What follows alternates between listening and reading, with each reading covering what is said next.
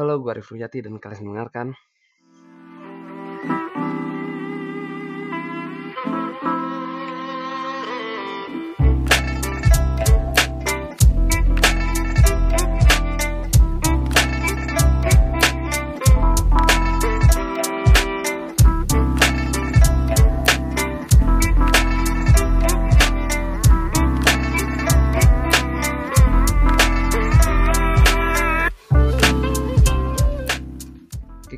Podcast anime untuk atau kawaras ya.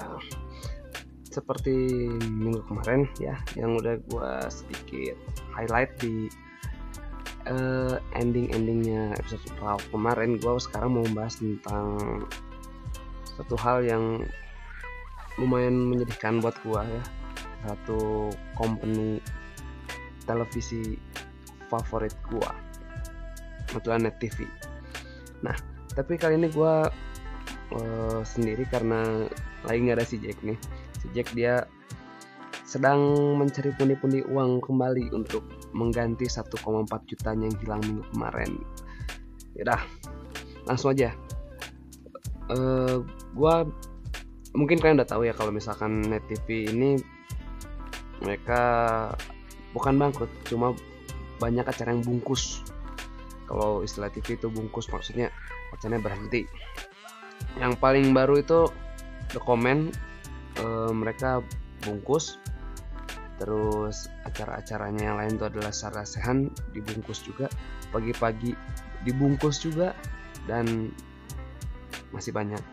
Nggak banyak-banyak banget sih cuma ya hampir 50% dari acara mereka banyak yang bungkus. Ya eh, pertama mungkin gue bahas dulu net TV ini tuh dia dari mana asalnya net TV ini buatan uh, Bapak Wisnu Tama yang dulu dia bekerja di Transcorp dan net TV ini berdiri uh, dia dirikan bersama orang-orang uh, yang masih idealisme di uh, Transcorp yang dia bedol desa tarik ke net TV ke perusahaan TV-nya. Nah, karena dari itu kenapa uh, acara-acara di net TV itu banyak yang kita lihat bagus karena uh, ideol uh, ideologi yang dipakai sama Bapak Wisnu Tama. Dan itu juga menjadi jawaban kenapa setelah net TV didirikan acara-acara di Transmedia di Trans 7 di Trans TV banyak yang alay banyak yang ya ngerti lah maksudnya. Kayak kalian bisa li lihat sekarang kayak gimana di Transmedia nah. Uh, pada pada awalnya Trans uh, sorry. Net TV uh, saat awal-awal berdiri aja sudah sangat uh, banyak menarik minat para penontonnya penonton televisi. Yaitu pas awal-awal mereka launching mereka undang artis sekelas Carly Rae Jepsen. Itu kan gokil gitu ya. TV baru ini baru launchingnya udah undangnya Carly Gibson yang waktu itu juga artis-artis uh, yang sekelas itu jarang banget diundang Indonesia. Sampai akhirnya diikutin lagi sama RCTI mereka ngundang Alan Walker terus ya banyak banyak banyak itu mulai dari net TV itu uh, buat gua adalah satu gebrakan di dunia pertelevisian yang sangat luar biasa dikerjakan oleh Net TV. Lalu banyak acara-acara yang sangat eh, apa namanya? sangat punya karakter yang biasa dimunculkan oleh Bapak Wisnu Tama saat dia di Transmedia. Kalau kalian nggak tahu uh, Wisnu Tama itu di waktu di Transmedia dia yang apa ya hitungannya. Ya, jadi eksekutif produk uh, production OVJ deh yang enggak paling terkenal OVJ jadi kualitas acaranya seperti itu. Nah di awal-awal net TV muncul tuh muncul the comment the comment terus Sarah Sehan terus apa lagi di awal-awal tuh ya? Nah, pokoknya itu acara-acara awal di net TV yang sangat punya uh, ideologinya Bapak Wisnu Tama. Oke, setelah enam tahun berjalan, tiba-tiba di awal tahun 2019 banyak acara net TV yang bungkus. Itu kenapa? Di desa-desunya bilang kalau selama net TV berdiri itu ad, uh, apa namanya pendapatannya itu sangat jelek sekali. Jadi uh, tidak menyenangkan para investor lah intinya mah nah kenapa itu bisa terjadi? Pada acara-acaranya sangat bagus sekali. Kalau uh, gampangnya sih ya kita lihat dari sudut mata eh sudut mata sudut pandang yang lanjang sih kita bisa berpacu ke acara kualitas acara yang Net TV suguhkan dulu. Uh, kualitas acara Net TV terutama yang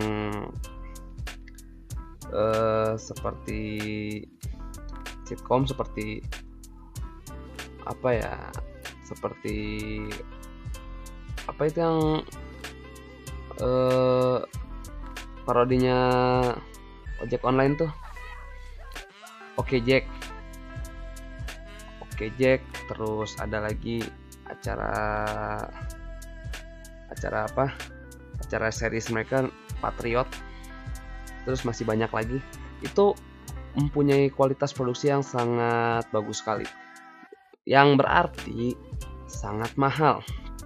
Nah tetapi eh, acara-acara itu tidak diimbangin dengan pemasukan yang bagus. Maksudnya dari iklan-iklan.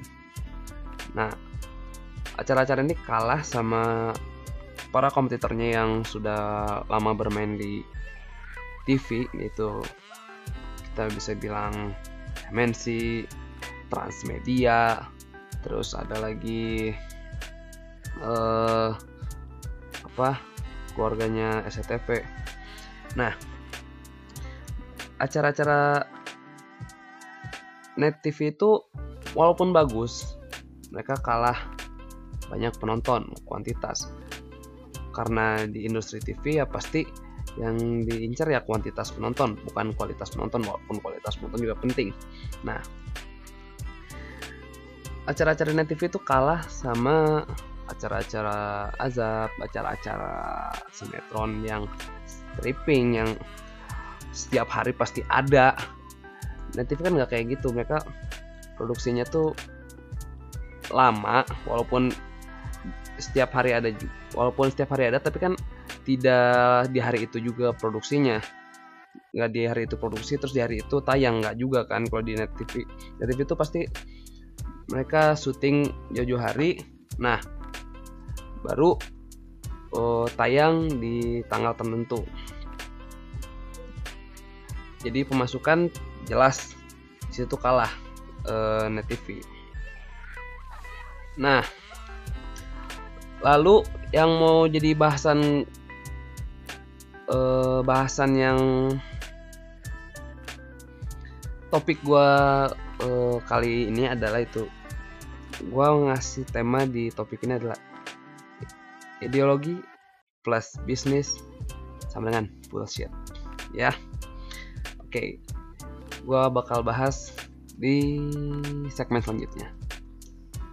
Tapi kita break sebentar.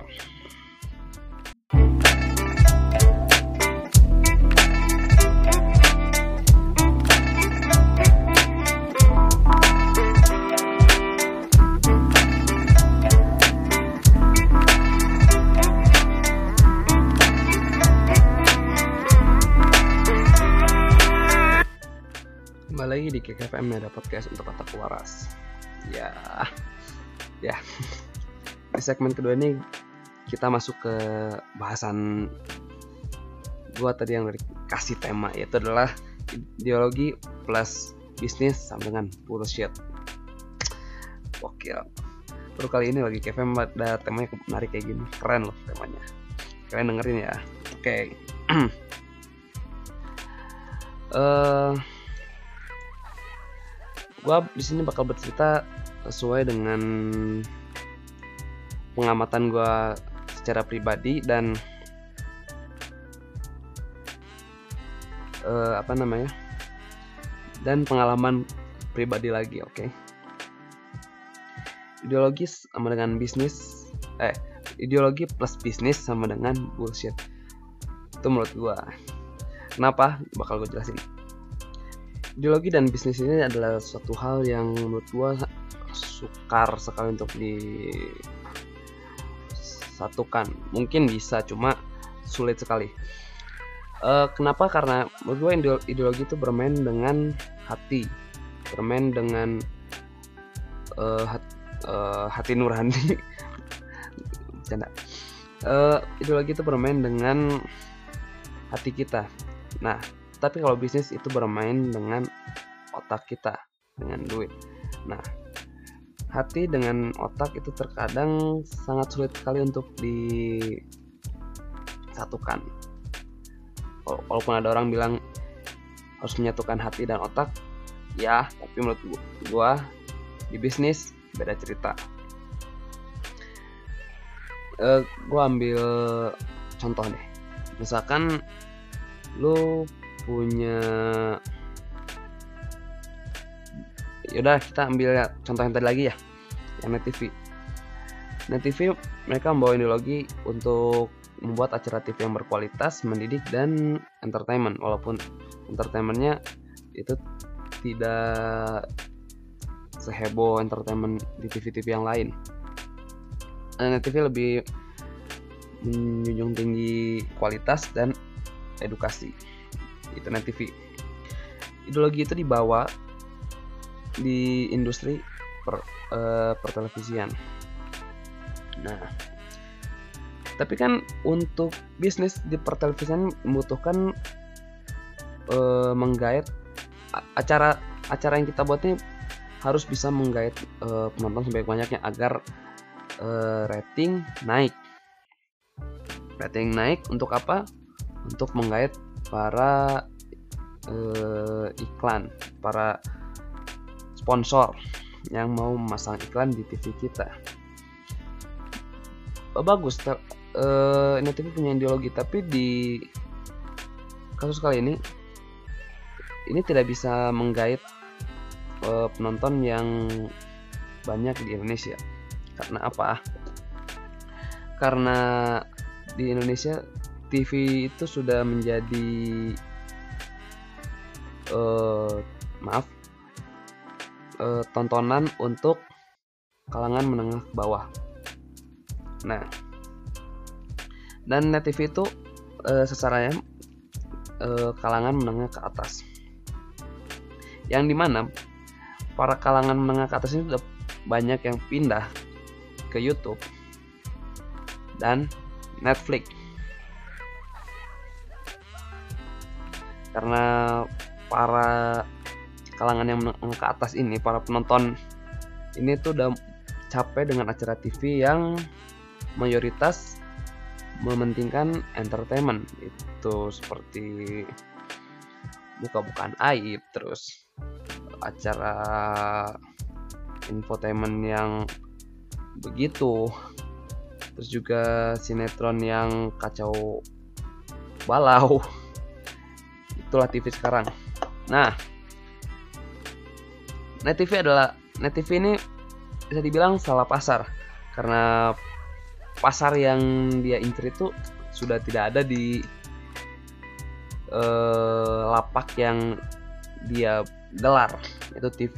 Nah, yang menyebabkan mereka tidak profit, tidak bisa menggait penonton yang banyak dan menggait para sponsor untuk iklan. Nah, di sini bisnisnya. Mereka bisa dibilang gagal. Tapi secara ideologi mereka uh, apa namanya secara ideologi ini tip yang bagus. Cuma kalau bisnis bisa dibilang jelek. Itu yang mau gue tekanin.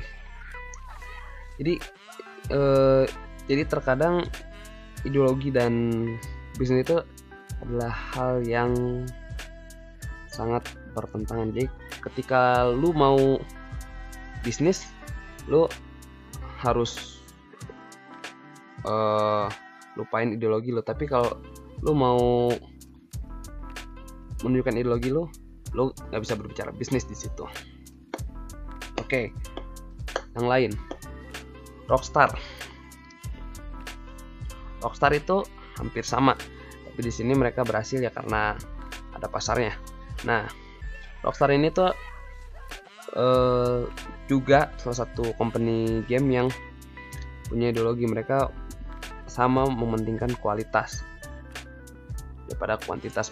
Karena dari itu kenapa uh, kalau studio game lain tuh tiap tahun bisa ha hampir bisa keluar satu game tiap tahun. Tapi kalau Rockstar nggak mereka tuh tiap buat game tuh harus ada riset mendalam harus ada mereka tuh harus memastikan game ini 100% sempurna. Itu no, Rockstar.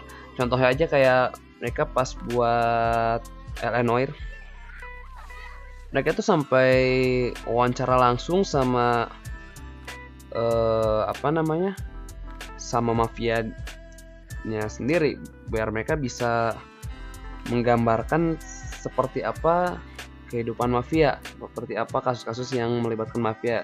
Ya intinya berarti Rockstar itu adalah studio game yang